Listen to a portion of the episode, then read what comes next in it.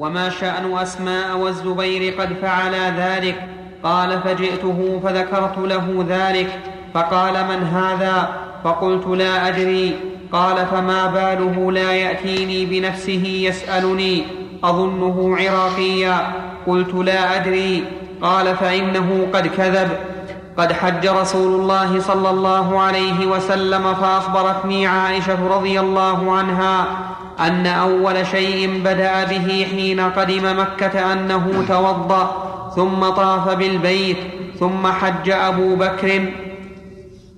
نعم. نعم. ثم حج أبو بكر فكان أول شيء بدأ به الطواف بالبيت ثم لم يكن غيره ثم عمر مثل ذلك ثم حج عثمان فرأيته أول شيء بدأ به الطواف بالبيت ثم لم يكن أول. فكان أول أعد من أين أحسن الله إليك؟ فرأيته أول؟ فرأيته أول. نعم. نعم.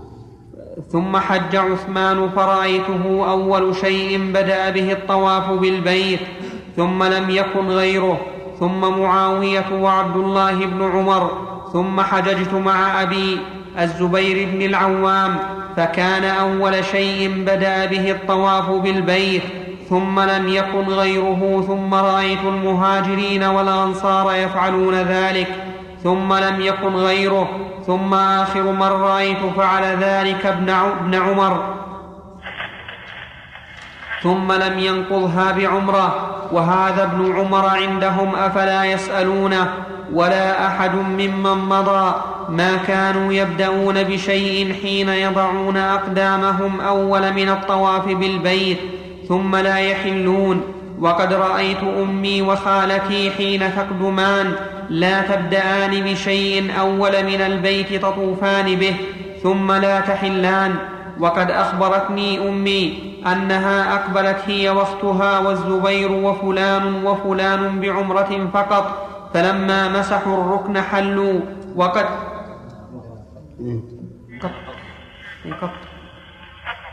وقد أخبرتني أمي أنها أقبلت هي وأختها والزبير وفلان وفلان بعمرة قط فلما مسحوا الركن حلوا وقد كذب فيما ذكر من ذلك. الله. الشرح اشرح شرح الحديث هذا.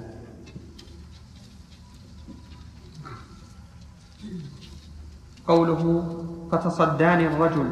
قبل من أول. ما عندي أحسن. أن رجل من أهل العراق. ما في. طيب. فتصداني الرجل أي تعرض لي هكذا هو في جميع النسخ.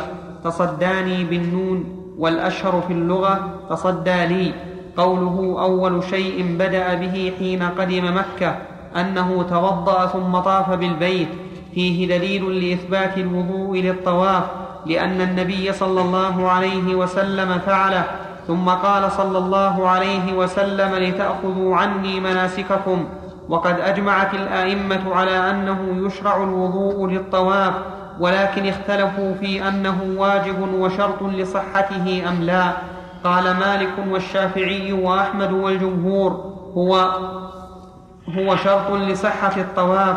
وقال أبو حنيفة مستحب ليس بشرط. واحتج الجمهور بهذا الحديث ووجه الدلالة أن هذا الحديث مع حديث خذوا عني مناسككم يقتضيان أن الطواف واجب لأن كل ما فعله هو داخل في المناسك فقد أمرنا بأخذ المناسك. وفي حديث ابن عباس في الترمذي وغيره أن النبي صلى الله عليه وسلم قال الطواف بالبيت صلاة إلا أن الله أباح فيه الكلام. ولكن رفعه ضعيف والصحيح عند الحفاظ أنه موقوف على ابن عباس وتحصل به الدلالة مع أنه موقوف لأنه قول لصحابي انتشر وإذا انتشر قول الصحابي بلا مخالفة كان حجة على الصحيح قوله ثم لم يكن غيره وكذا هذه المسألة من المسائل المهمة وهي اشتراط الطهارة للطواف.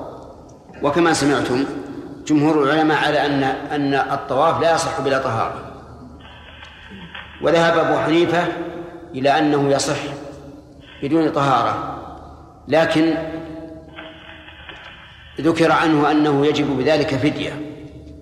وإيجاب الفدية لا دليل عليه.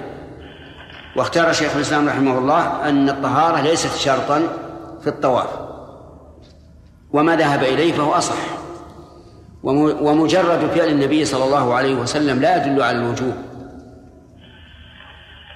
ولو قلنا بوجوب كل ما فعله في الحج لكان جميع أفعال الحج التي فعلها الرسول واجبة وليس الأمر كذلك. ثم إن الحديث الذي ذكره عن ابن عباس رضي الله عنهما منتقض لا يضطرد فهو يخالف الصلاة في أكثر المسائل. ليس في ليس في في في إباحة الكلام فقط فليس فيه تكبير الإحرام ولا قراءة للفاتحة ولا استقبال للقبلة ولا تنزه عن الأكل والشرب وما أشبه ذلك. المهم أنه يخالف الصلاة في أكثر المسائل ومثل هذا لا يصدر من النبي صلى الله عليه وسلم الذي لا ينطق عن الهوى. لكن نعم له حكم الصلاة لعله في الثواب. وإجزائه عن تحية المسجد إذا دخل الإنسان وما أشبه ذلك. إلا أنه آه، لا شك أن الطواف على طهارة أفضل اقتداء بالرسول صلى الله عليه وسلم. ولأن الله ولأن الله تعالى قال وطهر بيتي للطائفين والعاكفين والركع السجود. فإذا كان مكان الطواف مأمورا بتطهيره فالبدن الذي هو عمل الطواف من باب أولى أن يطهر لكن المهم الاشتراط نعم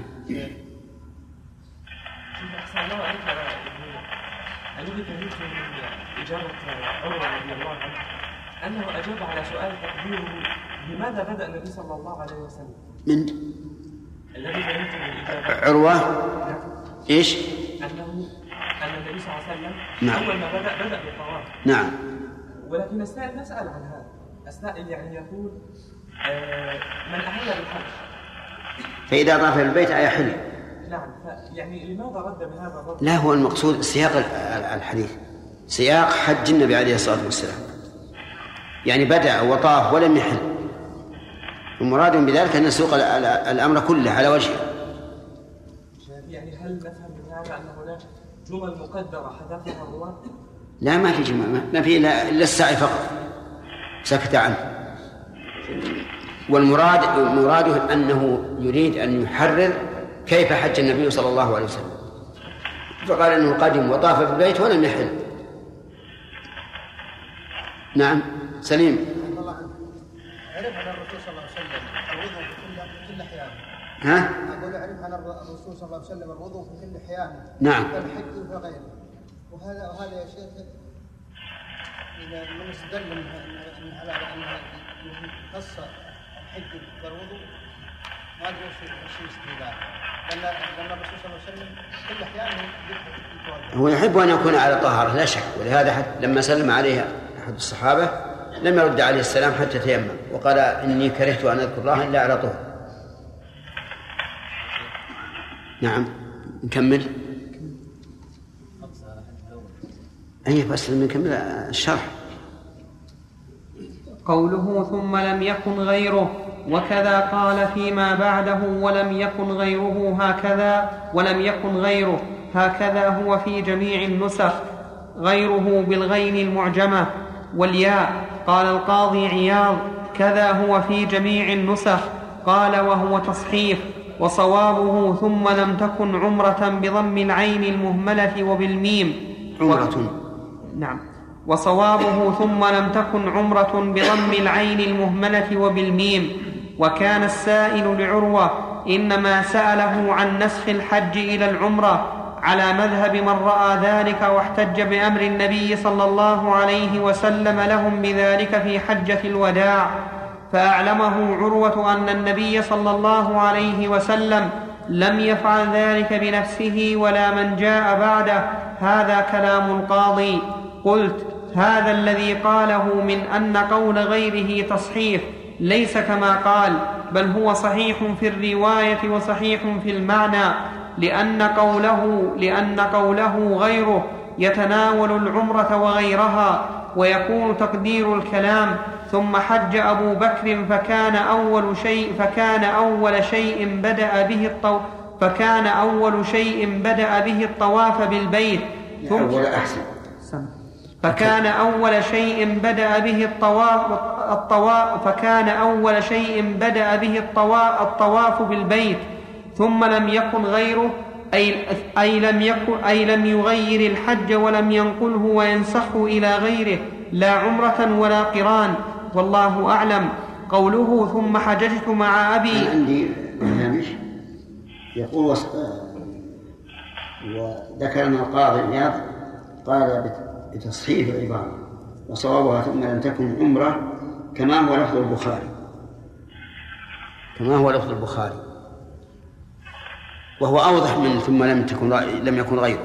لكن غيره لها وجه كما أشار إليه النووي رحمه الله. نعم. قوله ثم حججت مع أبي الزبير بن العوام أي مع والده الزبير فقوله الزبير بدل من أبي. قوله ولا أحد ممن مضى كانوا يبدأون شيئا حين يضعون أقدامهم. أول من الطواف بالبيت ثم لا يحلون. فيه أن المحرم بالحج إذا قدم مكة ينبغي له أن يبدأ بطواف القدوم ولا يفعل شيئا قبله. ولا يصلي تحية المسجد بل أول شيء يصنعه الطواف وهذا كله متفق عليه عندنا. وقوله يضعون أقدامهم يعني يصلون مكة وقوله ثم لا يحلون فيه التصريح بأنه لا يجوز التحلل بمجرد طواف القدوم كما سبق.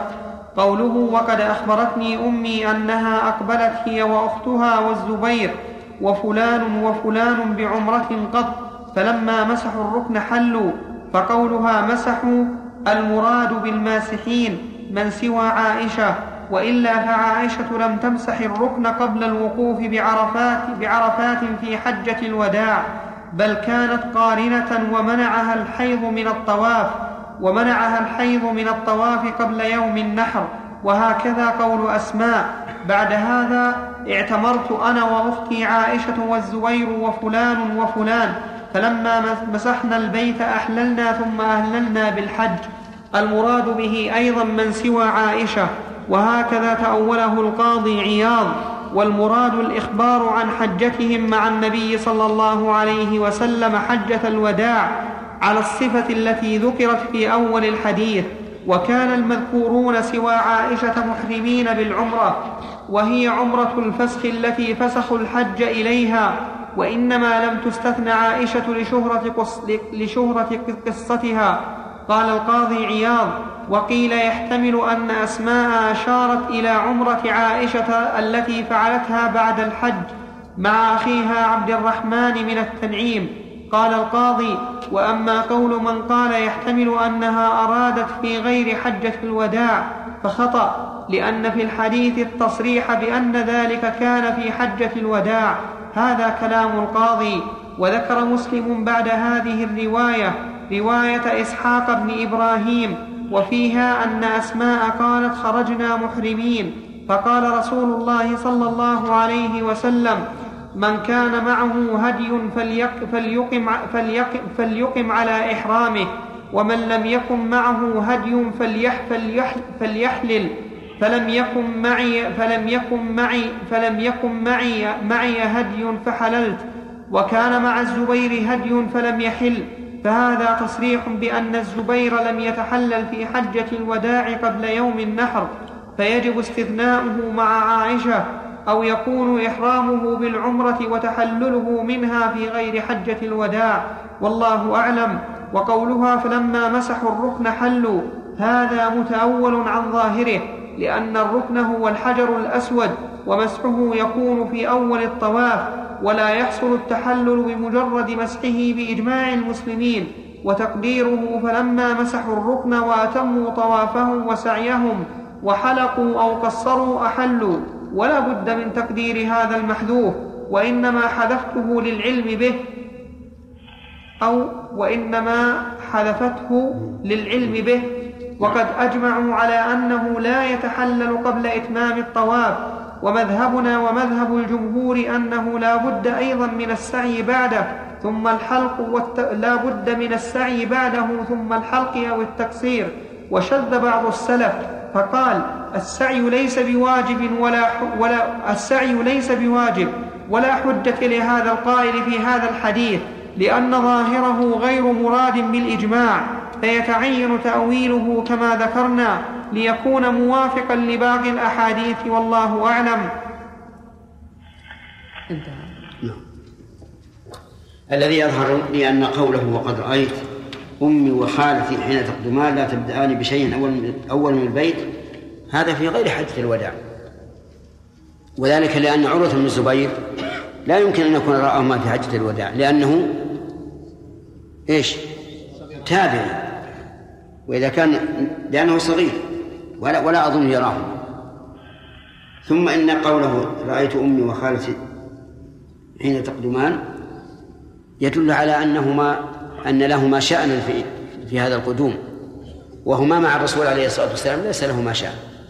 فالظاهر لي القول الثاني الذي خطأه وهو أن هذا في غير حجة الوداع وأن وأنهما إذا قدما إذا قدمتا آه، ومسحتا الركن حلتا لكن المراد مسحة الركن مع السعي لأنه لا يمكن أن يحل المعتمر قبل السعي بالإجماع كما سبق. نعم.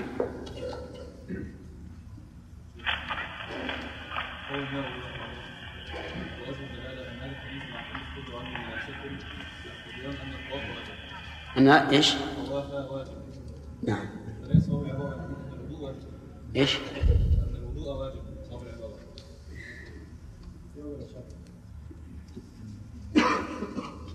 لعل لعلها أسهل أقرب للصواب.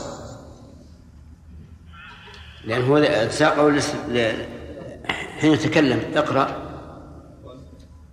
واحتج الجمهور بهذا الحديث ووجه الدلالة أن هذا على إيش؟ عن اشتراط الوضوء نعم. واحتج الجمهور بهذا الحديث. ووجه الدلالة أن هذا الحديث مع حديث خذوا عني مناسككم يقتضيان أن الطواف واجب. وش بعده؟ لأن كل ما فعله هو داخل في المناسك. الظاهر القصد أن الوضوء أن الوضوء للطواف. اكتب لعل صوابه أن الوضوء للطواف.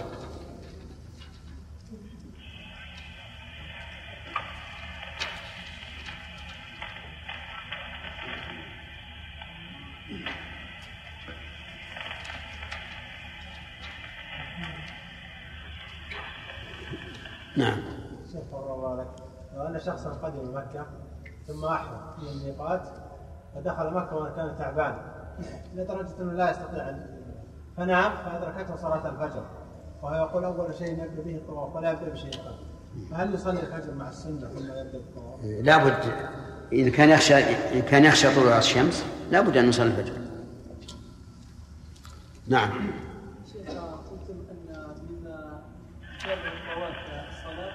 إيش؟ قلت مما يشابه الصلاة فيه أنه يجزي عن أداء تحية المسجد. لعله أراد ذلك. لا لا أراد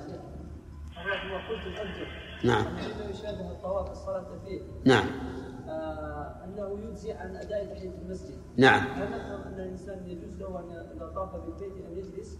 أي نعم. يجوز أن يجلس. نعم.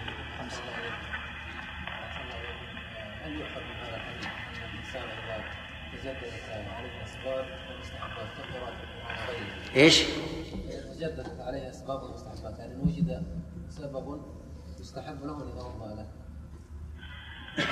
فهل يتوضأ؟ وإن كان على على طهارة؟ لا يدل على هذا. لأن قول أتوضأ لا ندري هل توضأ عن حدث أو عن غير حدث. فهل يؤخذ هذا؟ ما يؤخذ. مع الاحتمال لا يؤخذ. نعم خمسة. حدثنا إسحاق بن إبراهيم قال أخبرنا محمد بن بكر قال أخبرنا ابن جريج حاء وحدثني زهير بن حرب واللفظ له قال حدثنا روح بن عبادة قال حدثنا ابن جريج قال حدثني منصور بن عبد الرحمن عن أمه صفية بنت شيبة عن أسماء بنت أبي بكر رضي الله عنهما قالت خرجنا محرمين فقال رسول الله صلى الله عليه وسلم من كان معه هدي فلي فليقم على إحرامه ومن لم يكن معه هدي فليحلل فلم يكن معي فلم يكن معي هدي فحللت وكان مع الزبير هدي فلم يحلل.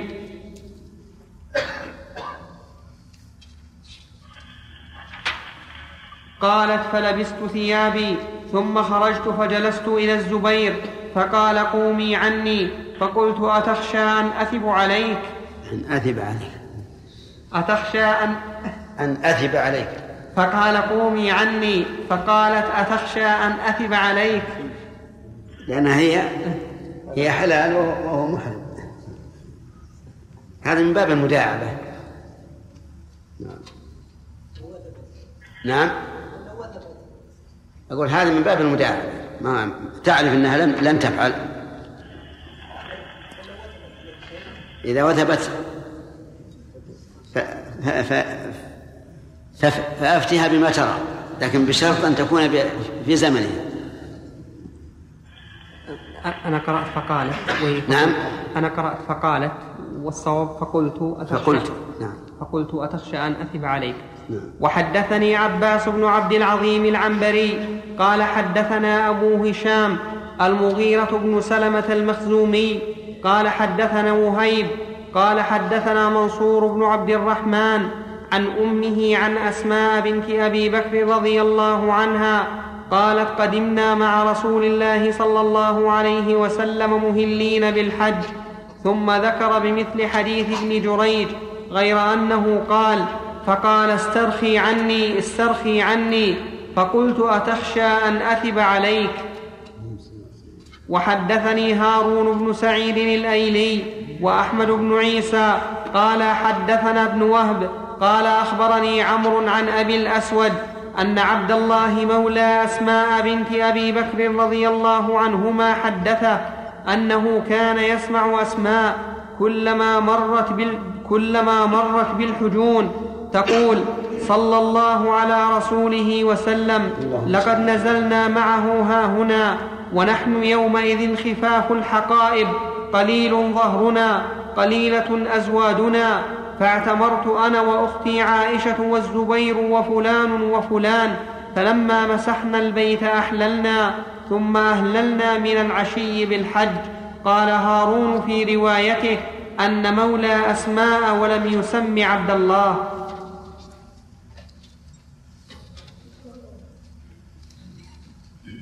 لكن هذا يحمل على على صفة العموم لأن من المعلوم أن عائشة حين قدم النبي صلى الله عليه وسلم لم تحل حيث إنها حاضت قبل دخول مكة فأمرها النبي صلى الله عليه وسلم أن تجعل العمرة حجا فتكون قارنة نعم. باب في متعة الحج. نعم. حج شيخ بارك الله فيكم النووي يقول آه، يعني أن اللمس بشهوة. الإمام النووي يقول أن اللمس بشهوة في حال الإحرام حرام. نعم. هو كذلك شيخ؟ إيه كذلك. أو ال- لأن- الو- لأن لأن الإحرام أشد من أشد من الصيام. انظر إلى عقد النكاح محرم في الإحرام. لأنه ربما مع العقد يتجرأ الإنسان فيحصل ما يحصل. يعني مجرد اللمس شيخ بشهوة إيه بشهوة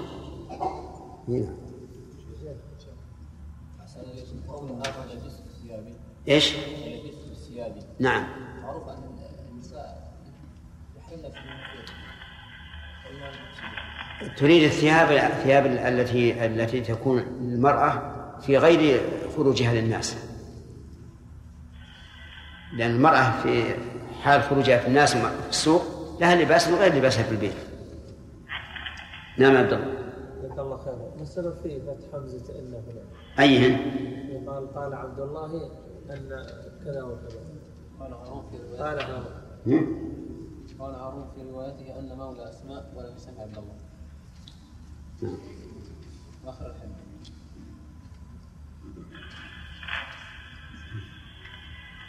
لأن مبني على ما سبق. وعن الأسود أن عبد الله مولى أسد. واضح؟ واضح عبد الله؟ أول حديث أول الحديث حدثنا هارون بن سعيد الأيلي وأحمد بن إسماعيل. قال حدثنا ابن وهب. قال أخبرني عمرو عن أبي الأسود أن عبد الله مولى ثلاثة. باب في متعة الحج. حدثنا محمد بن حاتم قال حدثنا روح بن عبادة قال حدثنا شعبة عن مسلم القري قال سألت ابن عباس رضي الله عنهما عن متعة الحج فرخص فيها وكان ابن الزبير ينهى عنها فقال هذه أم ابن الزبير تحدث أن رسول الله صلى الله عليه وسلم رخص فيها فادخلوا عليها فاسألوها قال فدخلنا عليها فإذا امرأة ضخمة عمياء فقالت قد رخ فإذا فإذا؟ امرأة ضخمة عمياء. نعم. فقالت قد رخص قد رخص رسول الله صلى الله عليه وسلم فيها. وحدثناه ابن المثنى والمراد بالترخيص هنا مقابل المنع. فلا ينافي أن يكون هذا هو المستحب. والمعروف عن عبد الله بن عباس رضي الله عنهما أنه يرى وجوب التمتع لمن لم يسق الهدي بل قال إنه إذا طاف وسعى حل شاء أم أبى. فيكون الترخيص هنا في مقابل المنع. نعم. وحدثناه ابن المثنى قال حدثنا عبد الرحمن حاء وحدثناه ابن بشار قال حدثنا محمد يعني ابن جعفر جميعا عن شعبة بهذا الإسناد. فأما عبد الرحمن ففي حديثه المتعة ولم يقل متعة الحج. وأما ابن جعفر فقال قال شعبة قال مسلم لا أدري متعة الحج أو متعة النساء. لكن السياق الأول صريح بأن المراد متعة الحج.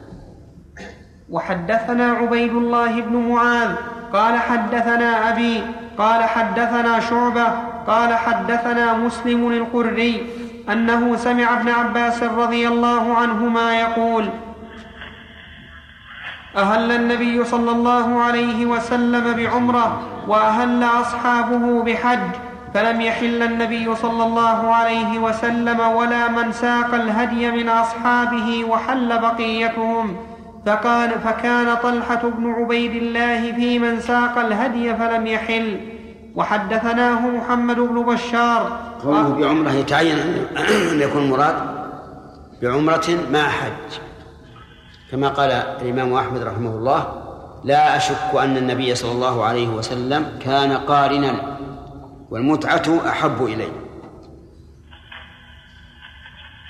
وحدثناه محمد بن بشار. قال حدثنا محمد يعني ابن جعفر قال حدثنا شعبة بهذا الإسناد غير أنه قال وكان ممن لم يكن معه الهدي طلحة بن عبيد الله ورجل آخر فأحلا.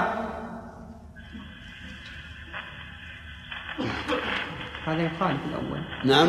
هذا يخالف الأول. ليش؟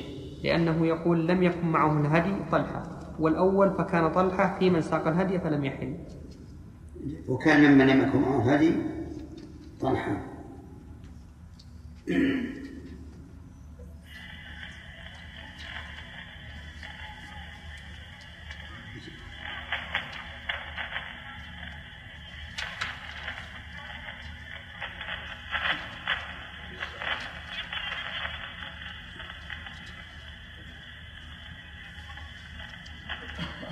إيش الجواب عن هذا. ما ذكر شيئا؟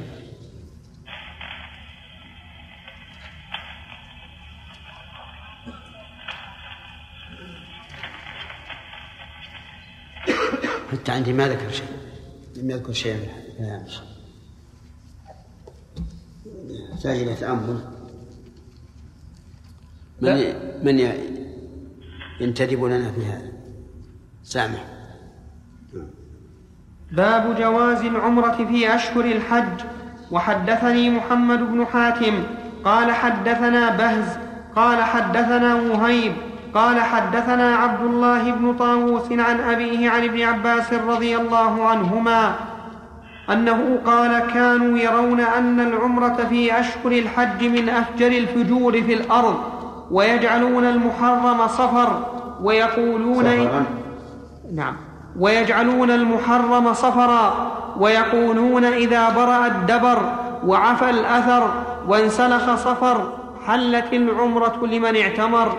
فقدم, فقدم النبي صلى الله عليه وسلم وأصحابه صبيحة رابعة مهلين بالحج فأمرهم أن يجعلوها عمرة فتعاظم ذلك عندهم فقالوا يا رسول الله أي الحل؟ قال الحل كله حدثنا نصر بن علي الجهضمي قال حدثنا أبي قال حدثنا شعبة عن أيوب عن أبي العالية عن أبي العالية البراء أنه سمع ابن عباس رضي الله عنهما يقول أهل رسول الله صلى الله عليه وسلم بالحج فقدم لأربع مضين من ذي الحجة فصلى الصبح وقال فصلى الصبح وقال لما صلى الصبح من شاء أن يجعلها عمرة فليجعلها عمرة. وحدثناه إبراهيم بن دينار قال حدثنا روح حاء وحدثنا أبو داود المباركي قال حدثنا أبو شهاب حاء وحدثنا محمد بن المثنى قال حدثنا يحيى بن كثير كلهم عن شعبة في هذا الإسناد. أما روح ويحيى بن, ويحيى بن كثير فقالا كما قال نصر أهل رسول الله صلى الله عليه وسلم. بالحج.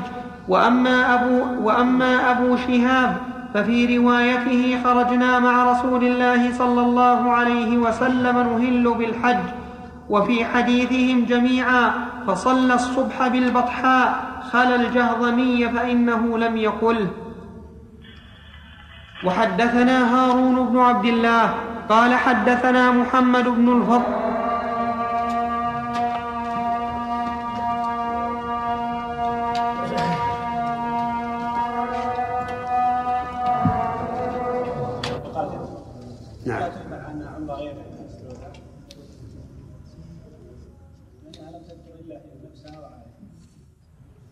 نعم. لم تذكر هنا أسماء إلا نفسها وعائشة. إيه. قالت إحللنا. ولما مسيح الفتح هل يمكن أن تحمل على عمره غير قلنا هذا ان إن هذا باعتبار المجموع. يعني احلنا باعتبار المجموع أما عائشة فمن الموضوع أنها ما حلت. لكن أحل من لم يسق الهدي. لا ما في عمره أخرى. لأن رسول الله. مع مع رسول الله. مع رسول الله. ولا حاجة أن تقول فيها احللنا لأن هذا معروف لو كان عمره مجرد. نعم. بناء على السؤال الذي سبق هل يستدل بحديث فعل النبي صلى الله عليه وسلم لكل فرض من الفرض الخمس؟ فيعني يتوضأ عند مستحبات تجديد الوضوء هذا. إذا كان إنسان على وضوء يجدد. إذا كان قد صلى بالوضوء الأول. نعم النوم يعني يعني لم تنتقض طهارته إذا كان لم تنتقض طهارته من من من الصلاة السابقة وجدد الوضوء فهذا سنة وليس بواجب. وحتى نافلة نعم. شيخ ما مدى قوة الحديث لكل طواف ركعتين وإذا صح فهل هي باستحباب الوجوب وما دليل إجزاء الطواف؟ لا, لا أعلم حديثا بهذا اللفظ. لكن الفقهاء قالوا لكل طواف ركعتان. وما دليل يا شيخ حفظكم الله فعل الرسول عليه الصلاة والسلام. فعل الرسول لما قدم مكة كان أول ما بدأ به الطواف. ثم لما انتهى من الطواف قال اتخذ من مقام إبراهيم مصلى فعلم بهذا أن الركعتين ليست تحية المسجد. لكن قول بعض الناس إن إن المسجد الحرام تحيته الطواف ليس على إطلاقه بل يقال تحيته الطواف لمن دخل ليطوف. وأما من دخل ليصلي أو لطلب علم فهو كغيره من المساجد. تحيته الصلاة نعم ثلاثة. طيب. بارك الله فيكم شيخ. رجل في عمرته طاف وسعى ولم يحلم نعم. ثم ارتكب محظورات الإحرام. نعم. من من من إتيان النساء وغير ذلك. فما يجب عليه؟ وهل يحلق بعد بعد ان استفتى؟ الأولى أن يقال هذا ترك واجب لأن الرجل تحلل. ونوى أنه خارج من العمرة وترك الواجب عند الفقهاء يوجب الدم. فيقال إن كان قادرا وجب عليه الدم وإن كان غير قادر فليس عليه شيء. ولا يلزم بشيء غيره بارك الله فيكم؟ لا. ما يلزم شيء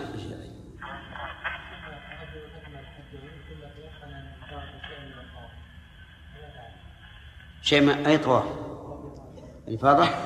معناه لابد أن نرجع إلى مكة ويأتي بعمرة بطواف وسعي وتقصير ثم يأتي بطواف الإفاضة. نعم. أحد الإخوان ينبه يقول إني قرأت قبل قليل حدثنا نصر بن علي الجهضمي قال حدثنا أبي قال حدثنا شعبة عن أيوب عن أبي العالية البراء والصحيح البراء نعم. وحدثنا هارون بن عبد الله قال حدثنا محمد بن الفضل السدوسي قال حدثنا وهيب قال أخبرنا أيوب عن أبي العالية البراء عن ابن عباس رضي الله عنهما قال قدم النبي صلى الله عليه وسلم وأصحابه لأربع خلون من العشر وهم يلبون بالحج فأمرهم أن يجعلوها عمرة وحدثنا عبد بن حميد قال أخبرنا عبد الرزاق قال أخبرنا معمر عن أيوب عن أبي العالية عن ابن عباس رضي الله عنهما قال صلى رسول الله صلى الله عليه وسلم الصبح بذي طوى وقدم لأربع مضين من ذي الحجة وأمر أصحابه أن يحولوا إحرامهم بعمرة إلا من كان معه الهدي وحدثنا محمد بن المثنى وابن بشار قال حدثنا محمد بن جعفر قال حدثنا شعبة حاء وحدثنا عبيد الله بن معاذ واللفظ له. قال حدثنا أبي قال حدثنا شعبة عن الحكم عن مجاهد عن ابن عباس رضي الله عنهما قال قال رسول الله صلى الله عليه وسلم هذه عمرة استمتعنا بها فمن لم يكن عنده الهدي فليحل الحل كله فإن العمرة قد دخلت في الحج إلى يوم القيامة.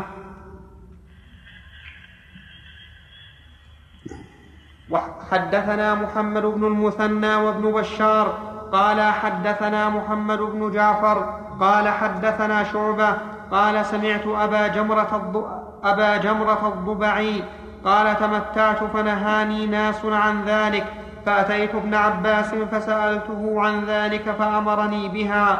قال ثم انطلقت إلى البيت فنمت فأتاني آت في منامي فقال عمرة متقبلة وحج مبرور. قال فأتيت ابن عباس فأخبرته بالذي رأيت فقال الله أكبر الله أكبر سنة أبي القاسم صلى الله عليه وسلم. في هذا الحديث دليل على الاستئناس بالرؤيا الصالحة في في إصابة الصواب. وكذلك في بيان الخطأ. قد يكون الإنسان أخطأ وظن أنه على صواب فيرى في المنام ما يدل على أنه أخطأ. وهذه من نعمة الله عز وجل على العبد وتثبيته له أن يرى في منامه ما يؤيد ما فعل. ولهذا كبر ابن عباس رضي الله عنهما تعجبا وفرحا بنعمة الله عز وجل عليه حيث كان هو يأمر بالتمتع وأكثر الناس في زمنه ينهون عن التمتع. نعم. باب تقليد الهدي وإشعاره عند الإحرام. حدثنا محمد بن المثنى وابن بشار جميعا عن ابن أبي عدي قال ابن المثنى حدثنا ابن أبي عدي عن شعبة عن قتادة عن أبي حسان عن ابن عباس رضي الله عنهما قال صلى رسول الله صلى الله عليه وسلم الظهر بذي الحليفه ثم دعا بناقته فأشعرها في صفحة سنامها الأيمن وسلت الدم وقلدها نعلين ثم ركب راحلته فلما استوت به على البيداء أهل بالحج. وهذا الإشعار لا شك أن فيه أذى للبهيمة لكن للمصلحة صار جائزا كما جاز الوسم وهو الحراق بالنار من أجل المصلحة. وهذا لكن الإحراق بالنار مصلحة شرعية ودنيوية. عن الوسم. مصلحة شرعية إذا كان في إبل الصدقة وإبل بيت المال وما أشبه ذلك. ومصلحة دنيوية إذا كانت في إبل المال الذي يقتنيه الإنسان. أما الإشعار فلا يكون إلا علامة شرعية بأن هذه هدي. بأن هذه هدي نعم. أقرأ. نعم. حدثنا محمد بن المثنى قال حد أما التقليد فالتقليد أن يجعل أن يجعل فيها قلادة. فيها قطع النعل قطع الشن الجلود اليابسة إشارة إلى أن هذه من خصائص الفقراء لأن الفقراء غالبا ما تكون نعالهم قديمة خلقة وكذلك أيضا أوانيهم وقربهم تكون كذلك. فيجتمع في الإبل تقليد وإشعار. أما في الغنم فإنها تقلد ولا تشعر لأنه ليس لها سلاما يمكن إشعاره. نعم. حدثنا محمد بن المثنى قال حدثنا معاذ بن هشام قال حدثني أبي عن قتادة في هذا الإسناد بمعنى حديث شعبة غير أنه قال إن نبي الله صلى الله عليه وسلم لما أتى ذا الحليفة ولم يقل صلى بها الظهر حدثنا محمد بن المثنى وابن بشار قال ابن المثنى حدثنا محمد بن جعفر قال حدثنا شعبة عن قتادة قال سمعت أبا حسان قال سمعت أبا حسان الأعرج قال قال رجل من بني الهجيم لابن عباس ما هذه الفتية التي قد التي قد تشغفت أو تشغبت بالناس أن من طاف بالبيت فقد حل. فقال سنة نبيكم صلى الله عليه وسلم وحدثني أحمد بن سعيد الدارمي قال حدثنا أحمد بن إسحاق قال حدثنا همام بن يحيى عن قتادة عن أبي حسان قال قيل لابن عباس إن هذا الأمر قد تفشغ بالناس من طاف بالبيت فقد حل الطواف عمرة فقال سنة نبيكم صلى الله عليه وسلم وإن رغمتم. حد وحدثنا إسحاق بن إبراهيم قال أخبرنا محمد بن بكر قال أخبرنا ابن جريج قال أخبرني عطاء قال كان ابن عباس يقول لا يطوف بالبيت حاج ولا غير حاج إلا حل. قلت لعطاء من أين يقول ذلك؟ قال من قول الله تعالى ثم محلها إلى البيت العتيق. قال قلت فإن ذلك بعد المعرف. فقال كان ابن عباس يقول هو بعد المعرف وقبله وكان يأخذ ذلك من أمر النبي صلى الله عليه وسلم حين أمرهم أن يحلوا في حجة الوداع. هذه الألفاظ كما رأيتم ليس فيها إلا ذكر الطواف. لكن مراده الطواف والسعي. لأن السعي تابع للطواف. وكما سمعتم في أول الدرس أن النووي رحمه الله ذكر إجماع العلماء على أنه لا حل إلا بعد الطواف والسعي. لكن يعبرون بالأهم وهو الطواف. لأن السعي تابع له. وقول ابن عباس رضي الله عنه إنه يحل يعني شاء ام ابى فيه نظر لأنه لو كان كذلك لم يأمر النبي صلى الله عليه وسلم أصحابه بأن يحلوا. بل قال فقد حللتم وكونه يأمرهم بالحل يعني أن المسألة فيها اختيار بمعنى أن الحل يكون باختيار الإنسان لكن يجب عليه أن يختاره على رأي ابن عباس وجماعه فالمسألة الآن آه، أربعة أربعة أقوال فيها. القول الأول أنه لا يجوز أن يفسخ الحج إلى عمرة. والثاني أنه يستحب أن يفسخه إلى عمرة. والثالث أنه يجب أن يفسخه إلى عمرة. والرابع أنه ينفسخ وإن لم يفسخ. يحل شاء ما بعد. وقد عرفتم أن القول الراجح ما ذهب إليه شيخ الإسلام ابن تيمية رحمه الله من أن الفسخ كان واجبا على الصحابة الذين خوطبوا بذلك. وأما بقية الأمة فهو سنة في حقهم نعم. هل كان واجبا على الصحابة الذين خطبوا في هذه الحجة لا في هذه الحجة فقط. نعم. كيف نوفق بين اثر ابن عباس هنا في الصحيح من انه وهلا حين استوت على البيداء وما ورد عنه رضي الله تعالى عنه من الجمع بين الاقوال اقوال الصحابه اختلافهم في ابلاغ النبي صلى الله عليه وسلم. إي نعم. يجمع بينهما أنه يحكي نقل غيره. إن الذين نقلوا ذلك اختلفوا فجمع بينهم. بين بين الأقوال. نعم. نعم.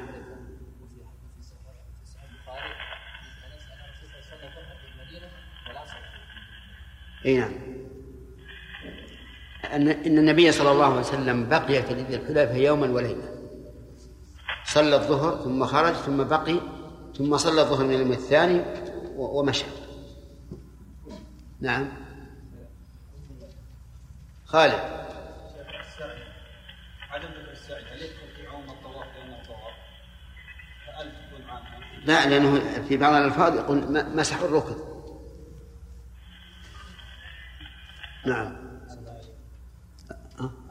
مو بعد خمسة زي ما هو مبتدأ حديث إلا يا شيخ مبتدأ حديث أحسن الله عليك ل- للسعي يا شيخ بالنسبة يعني لقول جمهور العلماء بالطواف شرط الصحة يعني شرط الطهارة بالنسبة للطواف. نعم. لو رجل طاف وأحدث وخرج على قول الجمهور ثم تطهر ثم عاد إلى البيت ماذا يبدأ على طواف؟ لا ي- يستأنف الطواف. أو يستأنف الطواف. يستأنف الطواف كما لو أحدث في الصلاة فإنه لا بد أن يستأنف لأن لأن ما سبق بطل.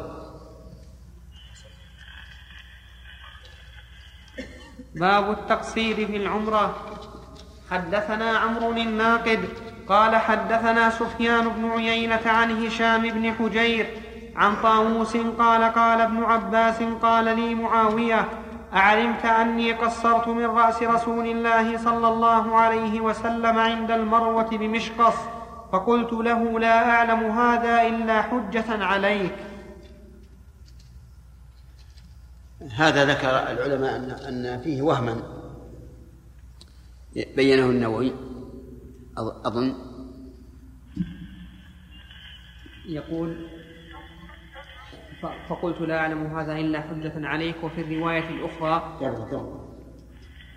ما في قبل الشيخ يعني قال ابن عباس. طيب. أي. وفي الرواية الأخرى قصرت عن رسول الله صلى الله عليه وسلم بمشقص وهو على المروة أو رأيته يقصر عنه بمشقص وهو على المروة. في هذا الحديث جواز الاقتصار على التقصير وإن كان الحلق أفضل وسواء في ذلك الحاج والمعتمر إلا أنه يستحب للمتمتع أن يقصر في العمرة ويحلق في الحج ليقع الحلق في أكمل العبادتين. وقد سبقت الأحاديث في هذا وفيه, وفيه أنه يستحب أن يكون تقصير المعتمر أو حلقه عند المروة لأنها موضع تحلله. كما يستحب للحاج أن يكون حلقه أو تقصيره في منى لأنها موضع تحلله وحيث حلق أو قصر من الحرم كله جاز. وهذا الحديث وهذا الحديث محمول على أنه قصر عن النبي صلى الله عليه وسلم في عمرة الجعرانة. لأن النبي صلى الله عليه وسلم في حجة الوداع كان قارنا كما سبق إيضاحه. وثبت أنه صلى الله عليه وسلم حلق بمنى وفرق أبو وفرق أبو طلحة رضي الله عنه شعره بين الناس فلا يجوز حمل تقصير معاوية على حجة الوداع ولا يصح حمله أيضا على عمرة القضاء الواقعة سنة سبع من الهجرة لأن معاوية لم يكن يومئذ مسلما إنما أسلم يوم الفتح سنة ثمان هذا هو الصحيح المشهور. ولا يصح قول من حمله على حجة الوداع وزعم أنه صلى الله عليه وسلم كان متمتعا لأن هذا غلط فاحش فقد تظاهرت الأحاديث الصحيحة السابقة في مسلم وغيره أن النبي صلى الله عليه وسلم قيل له ما شأن الناس حلوا ولم تحل أنت؟ فقال إني لبت رأسي وقلدت هدي فلا أحل حتى أنحر الهدي. وفي رواية حتى أحل من الحج والله أعلم. قوله بمشقص هو بكسر الميم وإسكان الشين المعجمة وفتح القاف. قال أبو عبيد وغيره هو نصل السهم إذا كان طويلا ليس بعريض. وقال أبو حنيفة الدينوري الدينوري هو كل نصل فيه عترة وهو الناتئ وسط الحربة. وقال الخليل هو سهم فيه نصل عريض يرمى به الوحش والله أعلم. عنزة نعم. باب. نعم لكن معنى قولي يا شيخ لا يعلم هذا إلا حجة عليه. يعني أن من طاف وسعى حل. وحدثني محمد بن حاتم قال حدثنا يحيى بن سعيد عن ابن جريج قال حدثني الحسن بن مسلم عن طاووس عن ابن عباس أن معاوية بن أبي سفيان ابن أبي سفيان أخبره قال قصرت عن رسول الله صلى الله عليه وسلم عن قصرت عن رسول الله صلى الله عليه وسلم بمشقص وهو على المروة أو رأيته يقصر عنه بمشقص وهو على المروة. حدثني عبيد الله بن عمر القواريري قال حدثنا عبد الأعلى بن عبد الأعلى قال حدثنا داود عن أبي نضرة عن أبي سعيد قال خرجنا مع رسول الله صلى الله عليه وسلم نصرخ بالحج صراخا فلما قدمنا مكة أمرنا أن نجعلها عمرة إلا من ساق الهدي فلما كان يوم التروية ورحنا إلى منى أهللنا بالحج. وحدثنا حجاج بن الشاعر قال حدثنا معل بن أسد قال حدثنا وهيب بن خالد. قوله رحنا إلى منى يعني خرجنا إليها وليس المراد أننا ذهبنا بعد الرواح أي بعد الزوال. وفي هذا دليل على أن اللغة العربية فيها اتساع بالنسبة للرواح وأن الرواح قد يراد به مطلق الذهاب كما في قوله في حديث أبي هريرة في الجمعة من راح في الساعة الأولى ومن راح في الساعة الثانية وكل هذا قبل الزواج وفي هذا الحديث دليل على رفع الصوت بالتلبية بقدر الإمكان لقوله نصرخ بالحج صراخا. نعم. وحدثنا حجاج بن الشاعر قال حدثنا معل بن أسد قال حدثنا وهيب بن خالد عن داود عن أبي نضرة عن جابر وعن أبي سعيد الخدري رضي الله عنهما قالا قدمنا مع رسول مع النبي صلى الله عليه وسلم ونحن نصرخ بالحج صراخا. حدثني حامد, حامد بن عمر البكراوي قال حدثنا عبد الواحد عن عاصم عن أبي نضرة قال كنت عند جابر بن عبد الله فأتاه آت فقال إن ابن عباس وابن الزبير اختلفا في المتعتين فقال جابر فعلناهما مع رسول الله صلى الله عليه وسلم ثم نهانا عنهما عمر فلم نعد لهما. قول عن المتعتين يعني متعة النساء ومتعة الحج. ومتعة النساء يعني النكاح المؤقت. فقال فعلناهما مع رسول الله صلى الله عليه وسلم. وأما متعة النساء فقد ثبت عن النبي صلى الله عليه وسلم أنه نهى عنها وقال إنه حرام إلى يوم القيامة. وأما متعة الحج فقد نهى عنها عمر رضي الله عنه كما سبق. فقوله هنا ثم نهانا عنهما عمر لعله لم لم يطلع على نهي النبي صلى الله عليه وسلم على عن متعة النساء. ولم ولم يعلم بذلك إلا من عمر فقال نهانا نهانا عنهما عمر. وقد سبق بيان وجه نهي عمر عن ذلك. نعم.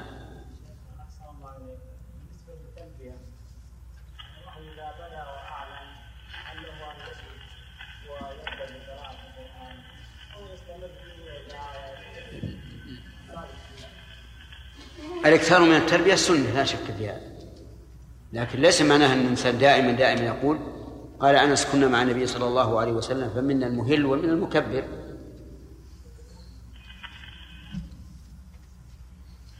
نعم.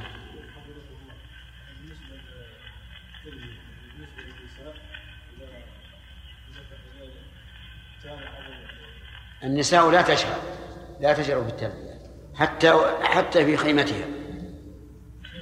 لأنها ليست أهلا للجهل بالذكر. إي نعم.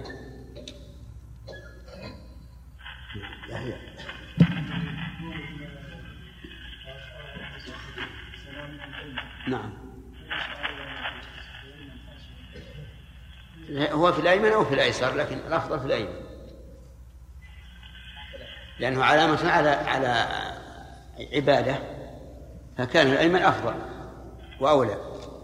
ثلاثة؟ طيب. إيش؟ يعني يحتاجون إلى ما طلبوا نعم؟ ما طلبوا طيب. نمشي. نقرأ إلى أن ينتهي باب إهلال النبي صلى الله عليه وسلم وهديه. حدثني محمد بن حاتم قال حدثنا ابن مهدي قال حدثنا سليم بن حيان عن مروان الأصفر الأصغر عن أنس رضي الله عنه أن عليا قدم من اليمن فقال له النبي صلى الله عليه وسلم بما أهللت؟ فقال أهللت بإهلال النبي صلى الله عليه وسلم. قال لولا أن معي الهدي لولا أن معي الهدي لأحللت. وحدثنيه حجاج بن الشاعر قال حدثنا عبد الصمد حاء وحدثني عبد الله بن هاشم قال حدثنا بهز قال حدثنا سليم بن حيان بهذا الإسناد مثله غير أن في رواية بهز لحللت. حدثنا يحيى بن يحيى قال أخبرنا هشيم عن يحيى بن أبي إسحاق وعبد العزيز بن صهيب وحميد أنهم سمعوا أنس رضي الله عنه قال سمعت رسول الله صلى الله عليه وسلم أهل بهما جميعا. لبيك عمرة وحجا لبيك عمرة وحجا. وحدثنيه علي بن حجر قال أخبرنا إسماعيل بن إبراهيم عن يحيى بن أبي إسحاق وابن عن يحيى بن أبي إسحاق وحميد الطويل. قال يحيى سمعت أنسا يقول سمعت النبي صلى الله عليه وسلم يقول لبيك عمرة وحجا. وقال حميد قال أنس قال أنس سمعت رسول الله صلى الله عليه وسلم يقول لبيك بعمرة وحج. وحدثنا سعيد بن منصور وعمر الناقد وزهير بن حرب جميعا عن ابن عيينة. قال سعيد قال سعيد حدثنا سفيان بن عيينة قال حدثنا الزهري عن حنظلة الأسلمي قال سمعت. نعم. قال حدثنا سفيان بن عيينة قال حدثني الزهري عن حنظلة الأسلمي قال سمعت أبا هريرة رضي الله عنه يحدث عن النبي صلى الله عليه وسلم أنه قال والذي نفسي بيده ليهلن ابن مريم بفج الروحاء حاجا أو معتمرا أو ليثنين أو ليثنينهما وحدثناه قتيبة بن سعيد قال حدثنا ليث عن ابن شهاب بهذا الإسناد مثله. قال والذي نفس محمد بيده. وحدثنيه حرملة بن يحيى. قال أخبرنا ابن وهب قال أخبرني يونس عن ابن شهاب عن حنظلة بن علي الأسلمي أنه سمع أبا هريرة رضي الله عنه يقول قال رسول الله صلى الله عليه وسلم والذي نفسي بيده بمثل حديثهما.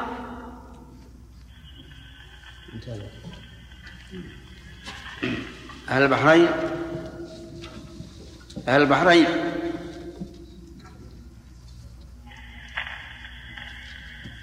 يا أهل البحرين نعم يا شيخ. السلام عليكم. وعليكم السلام ورحمة الله. إن- انتهى الدرس عندكم شيء؟ إي نعم يا شيخ. ها. أجل النيابة أو الإنابة هل يكفر عن الوكيل الذنوب حتى يرجع كيوم ولدته أمه؟ لا عن الموكل عن عن الموكل. نعم. عن الموكل لا عن الوكيل. إي نعم. لكن بشرط أن يكون الوكيل لا لم يرفث ولا يفسق. صحيح. ثم ان أنه لا ينبغي التوكيل في الحج. إما أن يحج الإنسان بنفسه إن كان قادرا. وإن كان لم يكن قادرا فإنه ينيب إذا كان عزه مستمرا وفي الفريضة. جزاك الله خير نعم.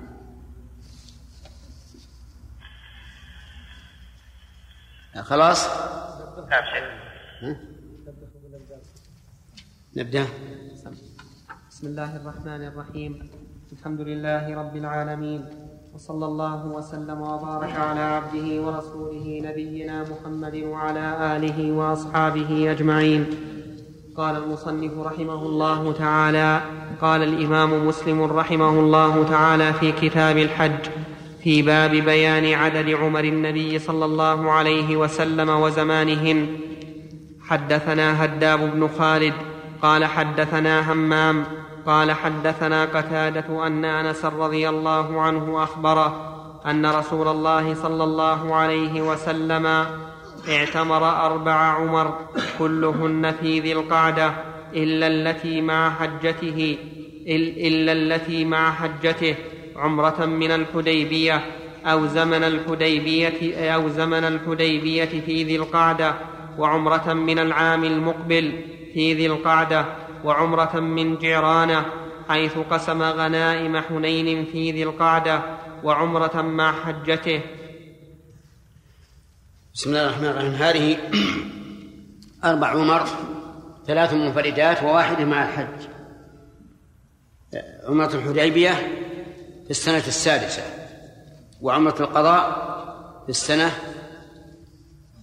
السابعة والجعرانة في السنة الثامنة وعمرته مع حجته في السنة العاشرة وهي في ذي القعدة في الحقيقة.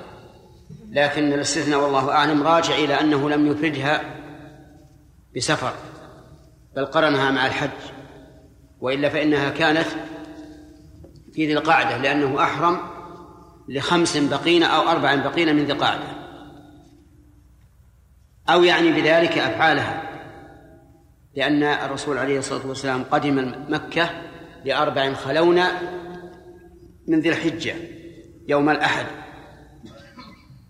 صباحا. فطاف وسعى ولم يحل. فإذا أراد أنس بن مالك رضي الله عنه بالاستثناء أن أفعال العمرة مع الح... التي قرنها مع الحج لم تقع في ذي- في ذي القعدة فصحيح. وأما إذا أراد الإحرام بها فقد أحرم بها في ذي القعدة. وقد تردد ابن القيم رحمه الله أيهما أفضل الاعتمار في ذي القعدة آه، في أشهر الحج عموما أو الاعتمار في رمضان. تردد في هذا. وذلك لأنه تعارض فيه قول الرسول عليه الصلاة والسلام وفعله. أما فعله فإنه لم يعتمر في رمضان وإنما اعتمر في أشهر الحج. وأما قوله فقال عمرة في رمضان تعدل حجة. نعم. حدثنا محمد بن حدثنا محمد بن المثنى قال حدثني عبد الصمد قال حدثنا همام قال حدثنا قتادة قال سألت انسا كم حج رسول الله صلى الله عليه وسلم. قال حجة واحدة واعتمر أربع عمر ثم ذكر بمثل حديث هداب. وحد وه- وهذا بعد ال- الهجرة. لم يحج إلا مرة واحدة. نعم. وحدثني زهير بن حرب قال حدثنا الحسن بن موسى قال أخبرنا زهير عن أبي إسحاق قال سألت زيد بن أرقم كم غزوت مع رسول الله صلى الله عليه وسلم؟ قال سبع عشرة. قال وحدثني زيد بن أرقم أن رسول الله صلى الله عليه وسلم غزا تسع عشرة وأنه حج بعدما هاجر حجة واحدة حجة الوداع. قال أبو إسحاق وبمكة أخرى.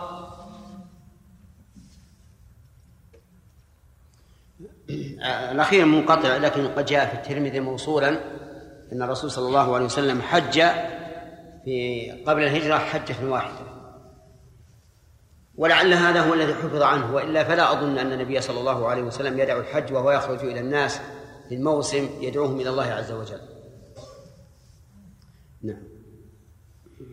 وحدثنا هارون بن عبد الله قال أخبرنا محمد بن بكر البرساني قال أخبرنا ابن جريج قال سمعت عطاء يخبر قال أخبرني عروة بن الزبير قال كنت أنا وابن عمر مستندين إلى حجرة عائشة وإن أنا وابن عمر؟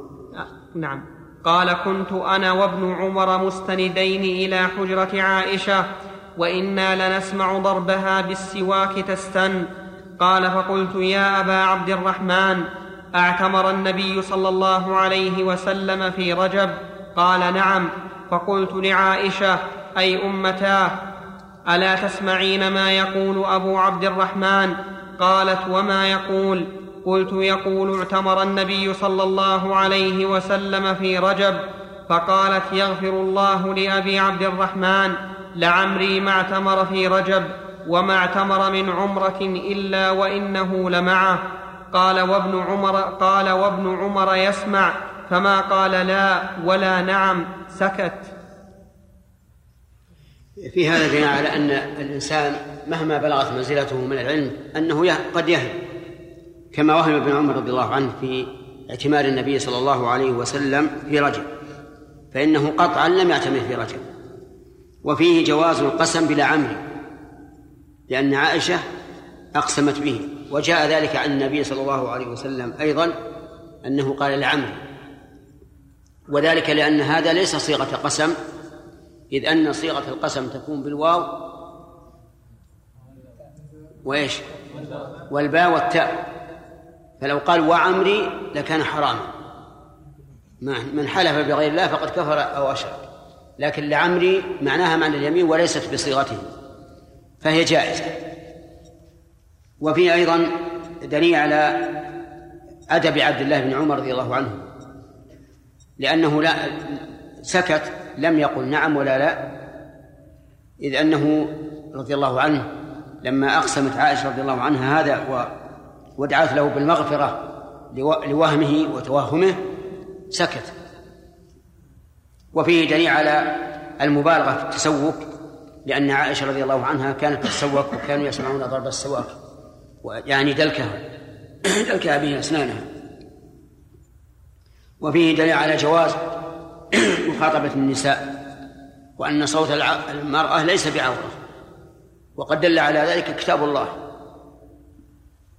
أن صوت المرأة ليس بعورة في قوله تعالى ولا تخضعن بالقول فقد دل على جواز مطلق القول وأن المنهي عنه إنما هو الخضوع بالقول. أما مجرد القول فليس بمحرم لكن إن حصل من ذلك فتنة أو تسيب من المرأة وانطلاق في مخاطبة الرجال فهنا يمنع.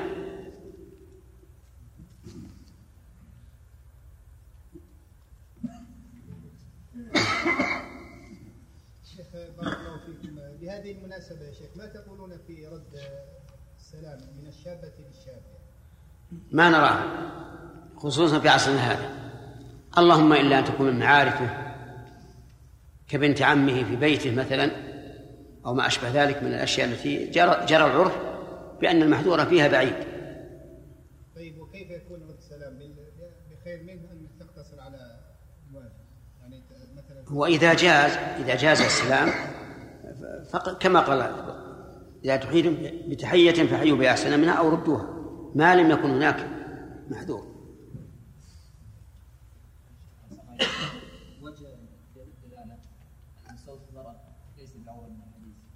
أنهما خاطباه ما هي أم محرم؟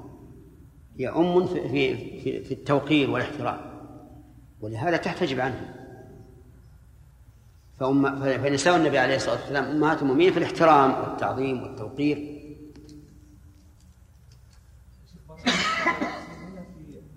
إيش؟ على تفصيلنا في العمل على هذا يدل إيش؟ تفصيلنا في العمل في في العمري؟ لا عمري. إيه. آه، أنها لي... أن اللام ليست يعني من حروف القسم. نعم. هذا تقول علي الطلاق أو علي النعمة. إيه. هذا نعم. وهو ال... هذه المواصيح حقت ال- اللاقطات. إيش سوى أحمد؟ ما دام أننا ان اللام ليست من القسم نعم. نقول أيضا على ليست من حروف القسم قسم فلا ننكر على من قال علي النعمة. وهي كذلك. لكننا ننكر على هذا لأن لأن الله قال يا أيها النبي لما تحرم ما أحل الله لك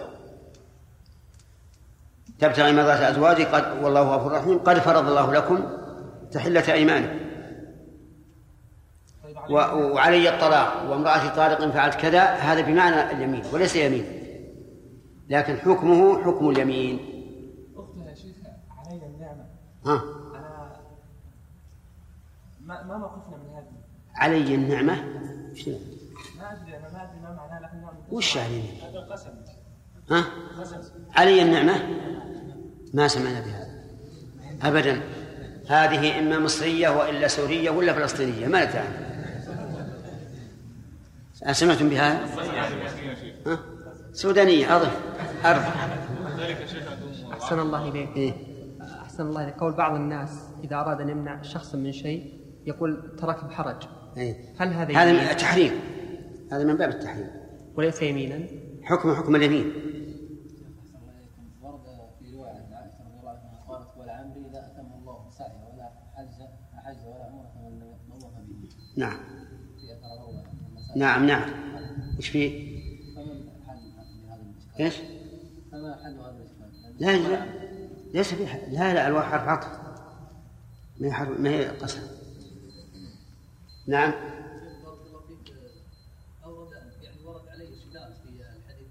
نعم. عروة بن الزبير تكون عائشة نعم صحيح. مثل عمر تكون أخته أخته في الإسلام يمكن. ابن عمر هنا يحسبها حفصة. عائشة ما ما أعرف أنها أخته حفصة. طيب.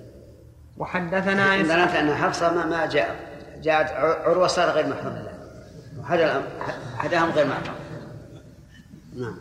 وحدثنا إسحاق بن إبراهيم قال أخبرنا جرير عن منصور عن مجاهد قال دخلت أنا وعروة بن الزبير المسجد فإذا عبد الله بن عمر جالس إلى حجرة عائشة والناس يصلون الضحى في المسجد فسألناه عن صلاتهم فقال بدعة فقال له عروة يا أبا عبد الرحمن كم اعتمر رسول الله صلى الله عليه وسلم؟ فقال أربع عمر إحداهن في رجب فكرهنا أن نكذبه ونرد عليه وسمعنا استنان عائشة في الحجرة فقال عروة ألا تسمعين يا أم المؤمنين؟ إلى ما يقول أبو عبد الرحمن. فقالت وما يقول؟ قال يقول اعتمر النبي صلى الله عليه وسلم أربع عمر إحداهن في رجب. فقالت يرحم الله أبا عبد الرحمن. ما اعتمر رسول الله صلى الله عليه وسلم إلا وهو معه وما اعتمر في رجب قط. قول ابن عمر في صلاة الضحى بدعة كأنه يريد والله أعلم اجتماعا اجتماع الناس في المسجد لصلاتها لم يكن على عهد النبي صلى الله عليه وسلم. أما أصل الصلاة فالصحيح أنها ليست بدعة. لكن هل يسن المد... هل تسن المداومة عليها أو تكون غبا أو يفصل في ذلك؟ من العلماء من قال لا تس... لا تسن المداومة عليها مطلقا. ومنهم من قال تسن المداومة عليها مطلقا ومنهم من فصل. فقال من كان يقوم من الليل فالسنة أن لا يداوم عليها ومن كان لا يقوم فالسنة أن يداوم. واستدل لذلك بأن النبي صلى الله عليه وسلم أوصى أبا هريرة بثلاث صيام من كل صيام ثلاثة أيام من كل شهر وركعتي الضحى وأن يوتر قبل أن ينام لأنه كان لا يقوم في آخر الليل. وهذا اختيار شيخ الإسلام ابن تيمية رحمه الله. وعندي أن الأفضل أن يصليها دائما وأن يحافظ عليها لأن النبي صلى الله عليه وسلم أخبر أنه يصبح على كل سلامة من الناس صدقة أن على كل سلامة من الناس صدقة كل يوم تطلع فيه الشمس. وأنه يجزء من ذلك ركعتان يركعهما من الضحى. ومن ثم نقول افتدي نفسك بهذه الصلاة تغنيك عن كل صدقة على كل عضو لكن الظاهر أن كلام ابن عمر رضي الله عنهما مراد اجتماع الناس في المسجد وحتى تشبه الفريضة أين كتابك؟ ها؟ موجود؟ إيه. نعم باب فضل العمرة في رمضان وحدثني محمد بن حاتم بن ميمون قال حدثنا يحيى بن سعيد عن ابن جريج قال أخبرني عطاء قال سمعت ابن عباس يحدثنا قال قال رسول الله صلى الله عليه وسلم لامرأة من الأنصار سماها ابن عباس فنسيت اسمها ما منعك أن تحجي معنا؟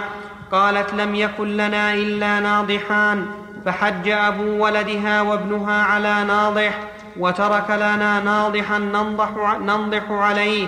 قال فإذا جاء رمضان فاعتمر فاعتمري فإن عمرة فيه تعدل حجة. وحدثناه أحمد في هذا دليل على أن المرأة تخدم زوجها فيما جرت به العادة. لأن أبا لأن زوجها وابنها حج على ناضح. وأبقيا ناضحا لها تنضح عليه الماء. وهذا لأنها صاحبة زرع أو نخل فيحتاجون إلى الناضح. فلو حجت بقيت إما أن تمشي وإما أن تركب ويمشي ابنها وولدها وإما أن تذهب بالناضح معها وكل هذا فيه مشقة.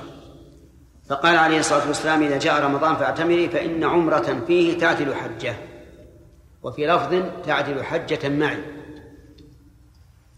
أخذ بعض العلماء من هذا أن ذلك في هذه المرأة ومن يشبه حالها ممن يتعذر عليه الحج فيحج فيعتمر في رمضان وليس ذلك على وجه الإطلاق. وقال إن العمرة في رمضان لا تعدل حجة لكل أحد. لكن تعدل حجة لمن منعه العذر أن لا يحج كهذه المرأة.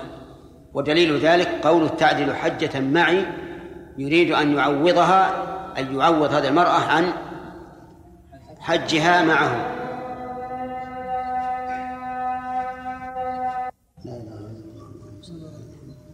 اللهم رب هذه.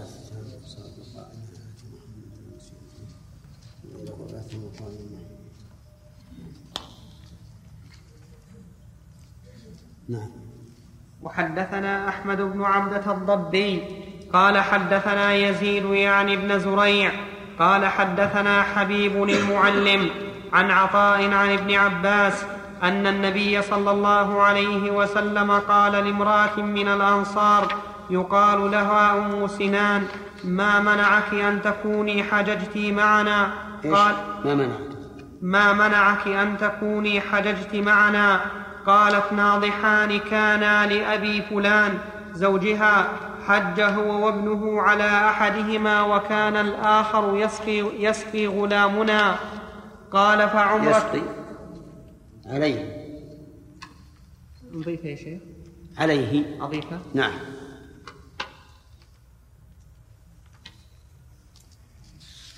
يسقي عليه غلامنا.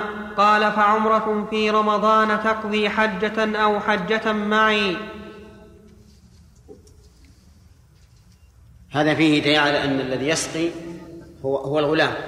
واللفظ الأول أنها هي التي تنضح فإما أن يقال الجمع بينهما أنها أضافت النضح إليها لأن الغلام إنما يأتمر بأمرها.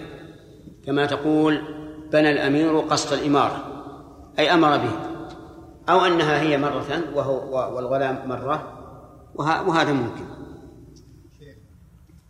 نعم. والقول الآخر يا شيخ ذكرنا أنه فضل العمرة في رمضان قال بعض أهل العلم أنه خاص بالمرأة بهذه المرأة أو بمن كان في مثل حالها نعم. في قول آخر يا شيخ. إذا قلنا قال بعض العلماء وش يصير؟ طيب لو لو ويرجح بينهما إذا قلنا مثلا علامة الجيم نقطة من أسفل والخاء نقطة من أعلى. الحاء لا نقطة فعلا إيه. طيب والذي ترجحونه والله أنا متردد في هذا في هذا. نظرا إلى أنني لا أعلم إلى ساعة هذه أن السلف كانوا يخصون رمضان بالعمرة ويذهبون إلى إلى العمرة في رمضان. فأقول لو كان إن, إن هذا ليس فيه سنة عملية فيما يبدو لي وفوق كل ذي علم عليم. نعم. اللي... قال يسقي عليه عليه غلامنا. نعم. قال انه يسقي عليه نخل يسقي عليه نخلا لنا. إيش؟ يسقي عليه نخلا لنا. نسقي عليه. نسقي عليه. نسقي. عليه نسقي ليش؟ أقول لي ما له كلام ها؟ له له كلام طيب النووي رحمه الله في الشرح. على هذا الموضوع؟ إيه، طيب يقرأه خالد.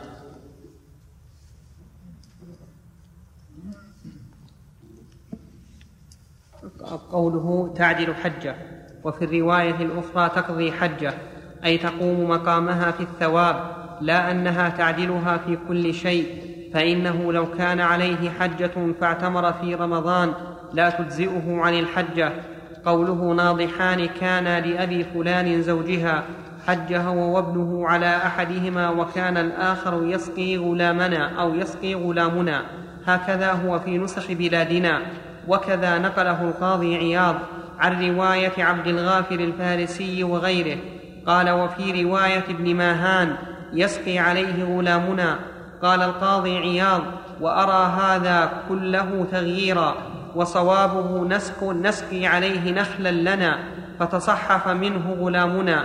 وكذا وكذا وكذا جاء في البخاري على الصواب ويدل على صحته قوله في الرواية الأولى ننضح ننضح عليه وهو بمعنى نسقي عليه. هذا كلام القاضي والمختار أن الرواية صحيحة. وتكون, الزيا وتكون الزيادة التي ذكرها القاضي محذوفة مقدرة. وهذا كثير في الكلام والله أعلم. يعني يسقي عليه يسقي عليه غلامه هو أشار إلى كلمة تعدل.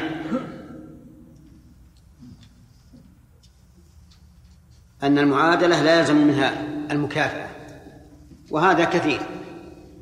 فمثلا جاء عن النبي عليه الصلاة والسلام أن نقول هو الله أحد تعدل ثلث القرآن.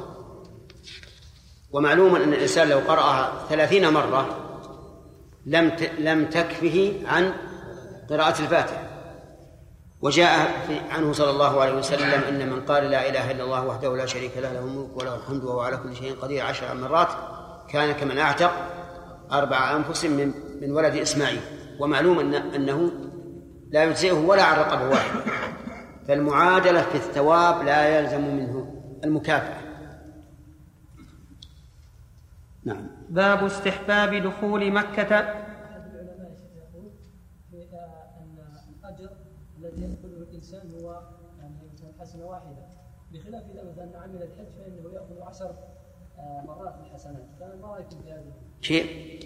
مثلا رمضان آه، عمرة في رمضان تعجب حجة أي أنه يأخذ أجر حجة واحدة أما إذا إذا عمل الحج بحد ذاته فإنه يأخذ عشر مرات الأجر. لا ما ما له وجه. هذا لا وجه نعم. ف... بارك الله فيكم. ذكرنا في جواب أخينا كمال. ها؟ بالنسبة لرد السلام من الشاب على الشابه فهل ذكرتم أنكم لا ترون هذا فهل لنا أن نفهم منه منع الكلام أيضا من باب أولى؟ لا. لأ إذا كان يعني لو استنجدته. نعم. بشيء. استنجدته قال احمل مع هذا. أعني على كذا. أو رأته مثلا آه، منحرفا على منعطف خطر قالت له اتجه إلى اتجاه آخر. هذا ما ما في محدود شيخ بارك الله فيكم. وقع في نفس إشكال وهو أن رد السلام واجب. نعم. فكيف مثلا يعني لأن ليس له حق أن يسلم. نعم. ومن ومن ومن سلم بلا حق فلا حق له. نعم. باب استحباب دخول مكة من الثنية العليا والخروج منها من الثنية السفلى ودخول بلدة عن- من طريق ودخول بلدة من طريق غير التي خرج منها. حدثنا أبو بكر بن أبي شيبة. هذا هذا هذه الترجمة فيها بحثان. البحث الأول هل دخول النبي صلى الله عليه وسلم من الثنية العليا والخروج من الثنية السفلى هل كان ذلك عن قصد؟ أو لأنه كان أسمح لخروجه ودخوله. فيها قولان للعلماء إن قلنا بالأول فهو من السنة وإن قلنا بالثاني فليس من السنة. ثانيا هل يقاس على ذلك دخول أي بلدة؟ كما لو دخل الإنسان لتجارة نقول ادخل من جانب من باب أو من جهة واخرج من جهة من جهة- من الجهة السفلى ظاهر كلام المترجم أنه كذلك وليس وأقول ليس كذلك. وهذا غلط. ومثل هذه المسائل لا يقاس عليها. أولا لأن دخول الرسول صلى الله عليه وسلم لمكة كان لعبادة بخلاف دخول أي بلدة ثانيا لو فرضنا أن الإنسان دخل إلى المدينة من أجل زيارة من أجل الصلاة في مسجد النبي صلى الله عليه وسلم فهذا عبادة ومع ذلك لا نشرع له أن يدخل من من جهة ويخرج من أخرى. لا نقول إن هذا سنة.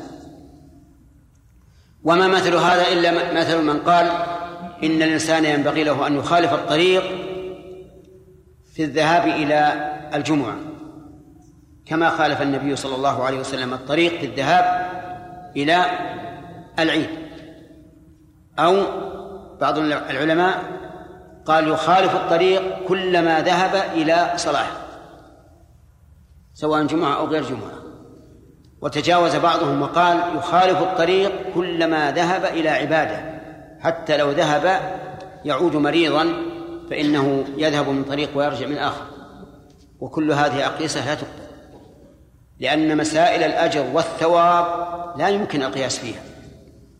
فالصواب أنه يقتصر في مسألة مخالفة الطريق في العيد على العيد فقط العيد الأضحى وعيد الفطر. وأنه في دخول مكة إذا قلنا إن الرسول صلى الله عليه وسلم دخلها تعبدا يقتصر على دخول مكة خاصة. ثم لو دخل مكة لغير العبادة دخلها لتجارة. فلا نرى أن نخالف الطريق ولو قلنا بأن مخالفة الطريق سنة فيما إذا قدم لحج أو عمرة. نعم. حدثنا أبو بكر بن أبي شيبة قال حدثنا عبد الله بن نمير حاء وحدثنا ابن نمير قال حدثنا أبي قال حدثنا عبيد الله عن نافع عن ابن عمر أن رسول الله صلى الله عليه وسلم كان يخرج من طريق الشجرة ويدخل من طريق المعرس وإذا دخل مكة دخل من الثنية العليا ويخرج من الثنية السفلى. وحدثنيه زهير بن حرب ومحمد بن المثنى. قال حدثنا يحيى وهو القطان عن عبيد الله بهذا الإسناد. وقال في رواية زهير العليا التي بالبطحاء. حدثنا محمد بن المثنى وابن أبي عمر جميعا عن ابن عيينة قال ابن المثنى حدثنا سفيان عن هشام بن عروة. حديث ابن عمر أول تكلم عليه الشارع.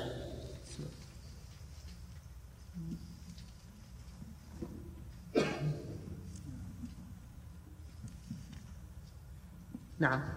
عن ابن عمر رضي الله قوله عن ابن عمر رضي الله عنهما أن رسول الله صلى الله عليه وسلم كان يخرج من طريق الشجرة ويدخل من طريق المعرس. وإذا دخل مكة دخل من الثنية العليا ويخرج من الثنية السفلى. قيل إنما فعل النبي قيل إنما فعل النبي صلى الله عليه وسلم هذا هذا المخالفة في طريقه. قيل إنما فعل النبي صلى الله عليه وسلم. هذه المخالفة؟ هذا. هذا وبعدها همزة وصل؟ لا لا هذا ألف.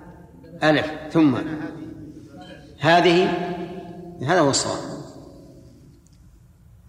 قيل إنما فعل النبي صلى الله عليه وسلم هذه المخالفة في طريقه داخلا وخارجا تفاؤلا بتغير الحال إلى أكمل منه كما فعل في العيد وليشهد له الطريقان وليتبرك به أهلهما.